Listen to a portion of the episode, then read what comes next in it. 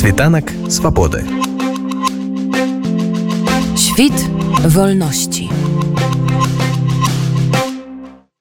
Вялікім выставачным памяшканні гарадскога стадыёна дзе праходзіў кірмаш недахопу ў наведвальніках не было.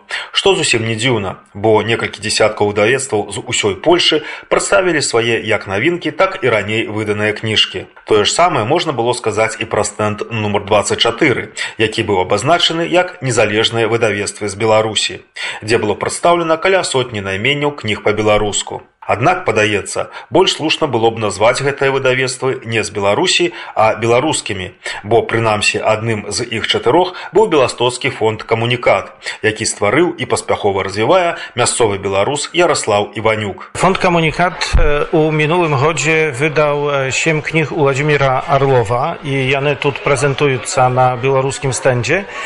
У гэтым годзе мы таксама выдалі чарговыя дзве кнігі. Гэта другая частка айчыны Галіны, славутай кнігі, якую ў Беларусі прызналі экстрэмісткай першую частку ў мінулым годзе. Мы выдалі яе праўда без малюнкаў, але гэта па зместу працяг гэтай славутай айчыны, якая ў Беларусі выходзіла u wielkim nakładzie z rysunkami z e, Paula Tatarnikowa i tak samo imiony Swobody Władimira Orlowa. E, to piąte wydanie knihi, jaką raniej wydawała Radio Swoboda. Tu dodatkowy ja 40 biograma, 40 ese pra białoruskich herojów. A pracza tego u nas na stędzie tak sama kniha Nierastralania. To kniha, jaka prezentuje postaci i twory białoruskich беларускіх інтэлектуалаў якія былі забітыя савецкімі уладамі ў 1937 годзе ёсць таксама іншыя кнігі нашага выдавецтва зборнік паэзіі Ганны Янкуты канстытуцыя на жаль разышлася ўжо мова Віктора Марчиновича якую мы дадрукоўвалі ў мінулым годзе яе у нас няма але маем таксама з Беларусі кнігу Віктора Марчиновича рэвалюцыя А як часта вы удзельнічаеце ў падобных выставах у такога тыпу выставах Fund Komunikat e, udzielniczał nieczasta, ale u minionym chodzie my zładzili bolza 20 sustreczał z Władimirem Arłowym Pausiej Polszczy, a tak samo u Czechii, u e, Litwie, nawiadali Prahu i Wilniu. I amal przy nachodzie każdej takiej sustreczy z Władimirem Arłowym my прадстаўлялі беларусам, якія пражываюць у гэтых гарадах беларускую літаратуру, кніжны кірмаш, які заўсёды карыстаўся вялікім зацікаўленнем з боку беларускай дыяспары. Варта адзначыць, што новыя кнігі Уладзіміра Арлова былі прадстаўлены самім аўтарам 23 красавіка. Кожны жадаючы мог іх купіць і атрымаць аўтограф знакамітага беларускага гісторыка. З новымі кніжкамі прыехаў на кірмаш выдавец Андрэй Янушкевіч, вымушаны пакінуць радзіму праз пераслед з боку лукашэнкаўскіх улад. Гэта ў прыватнасці фэнтэзі казік з каменнай горкі Алеся Кудрыцкага, якую 22 красавіка прадставіў сам аўтар. Кніга Валера Гапеева вольнары, таксама ў жанры фэнтэзі, якая складаецца з некалькіх частак, і нон-фікшн ад гарадзенскай бібліятэкі, ніколі болей, успаміны рэпрасаваных гарадзенцаў. Усе гэтыя кніжкі выданы Андрэем Янушкевічам ужо ў Польшчы. Прача таго мы прыехалі з тымі навінкамі, якія не так даўно выдалі ўжо тут, гэта перадусім класіка першай паловы два стагоддзя Эрнест Хемінгуэй і ўзыходзіць сонца, Фрэнсіс Фіджералд, вялікі Гэтсбі. Мы зрабілі дадрук кніг пра Гары Потара. Зараз першыя тры част можна купіць цалкам разам удалося там прывесці кнігі з беларусі яны тут таксама прадстаўленыя то што мы выдавалі год два тры раней на жаль там выдавецкая дзень дзейнасць перапынілася акурат перад пачаткам кірмашу беластоку андрей янушкевич на сваёй старонцы ў фейсбук паведаміў пра заключаны кантракт з амерыканскім пісьменнікам стывенам кінгам на друк яго твораў Падчас нашай размовы выдавец раскрыў дэталі дамовы. Мы заключылі дамову праз упаўнаважанага агента прадстаўніка Стывена Кінга, такіх вялікіх аўтараў заўсёды прадстаўляюць літаратурныя агенствы альбо агенты на выданне першай кнігі караля жахаў па-беларуску. Мы распланавалі, што нам удасся е выдаць у снежні 2023 года. Праблема ў тым, што у падара кінга як правіла усе кнігі таўшчэзныя і вось гэты аб'ём гэта моцны выклік для перакладчыка і для рэдактара на гэта трэба час. Але я спадзяюся што мы справімся а выдаваць Стывена кінга мы вырашылі з класікі. Рамана які ўжо давно атрымаў светнае прызнанне як ад крытыкаў так і ад чытачоў атрымлівае толькі высокія ацэнкі які не губляе сваёй актуальнасці і папулярнасці.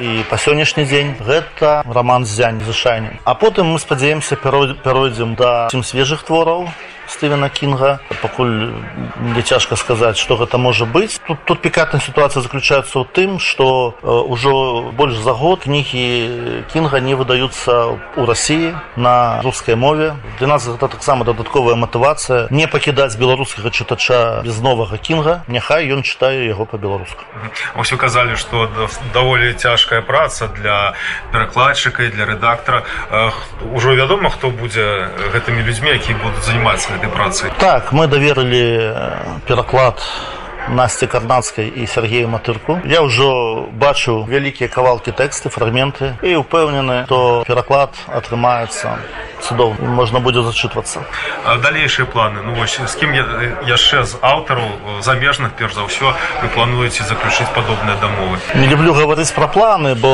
як нагаворыш так яны як правіла не рэалізоўваюцца нас насамрэч зараз задача завяршыць выданне тых серый вялікіх за якія мы ўзяліся гэтай серыя кніг пра гары потара і пра ведзьмара Анджея сапкоўскага і ярослава жандовича пра гаспадара ледзянога саду. Дзесьці нам ужо удалося падвінуцца наперад дзесьці все стаіць на месцы але я магу вам расказаць што таксама літаральна на днях я яшчэ не вывешваў гэтай навіны нідзе мы перазаключылі контракт на выданне новых кніг пра ведзьмара Анджея сапкоўскага і адразу заключылі контракт на выданне чавёртай і пятай часткі з гэтай се так што з ведзьмаром будзе ўсё добра усіх фанатаў магу толькі парадаваць перакладам займаецца зноў кацярына маціевская вокладкі будзе маляваць аўта першых вокладак улад петручык.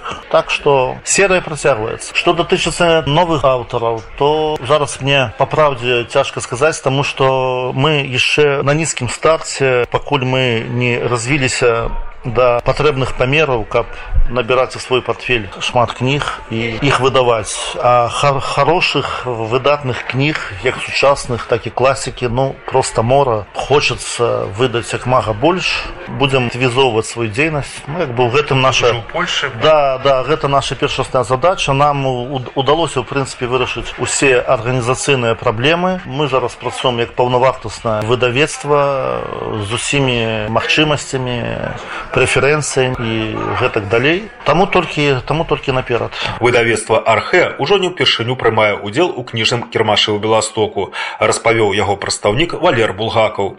Ён нагадаў што профіль яго выдавецтва нішавы акадэмічны не разлічаны на шырокую аўдыторыю у нас выданне жорстка так скажем привязанное да супольнасці аматараў гісторыі беларусі прычым гэтыя аматары могуць быць я прафесіяналамі адно другому не перашкаджаць это значит мы друкуем кніжкі по беларускай гісторыі написана як акадэмікамі так і ўвогуле папросту для э, людзей якія хочуць нешта даведацца на гэты конт мовы за якімі выданнямі вы сюды прыехалі штосьці новае можа есть? Ну на жаль апошні год э, у нас тэхнічная пауза па зразумелых прычынах бо наша краіна і грамадства зараз апынулася такой кропцы што трэба перасэнсаваць стратэгіі якімі мы кіраваліся шмат гадоў таму фактычна з лета мінулага года нічога новага у нас не выходзіць але гэта не азначае што мы прыехалі з пустымі руками. Тут ёсць кнігі якія беластоку дакладна будуць прэзентаваныя першы раз. Гэта як не дзіўная кніжка беластоцкіх беларускіх гісторыкаў алега латашонка евгена мірановича гісторыя беларусі ад сярэдзіна 18 да пачатку 21 стагоддзя. Трэцяе выданне. Яно выйшла летась перш палове мінулага году.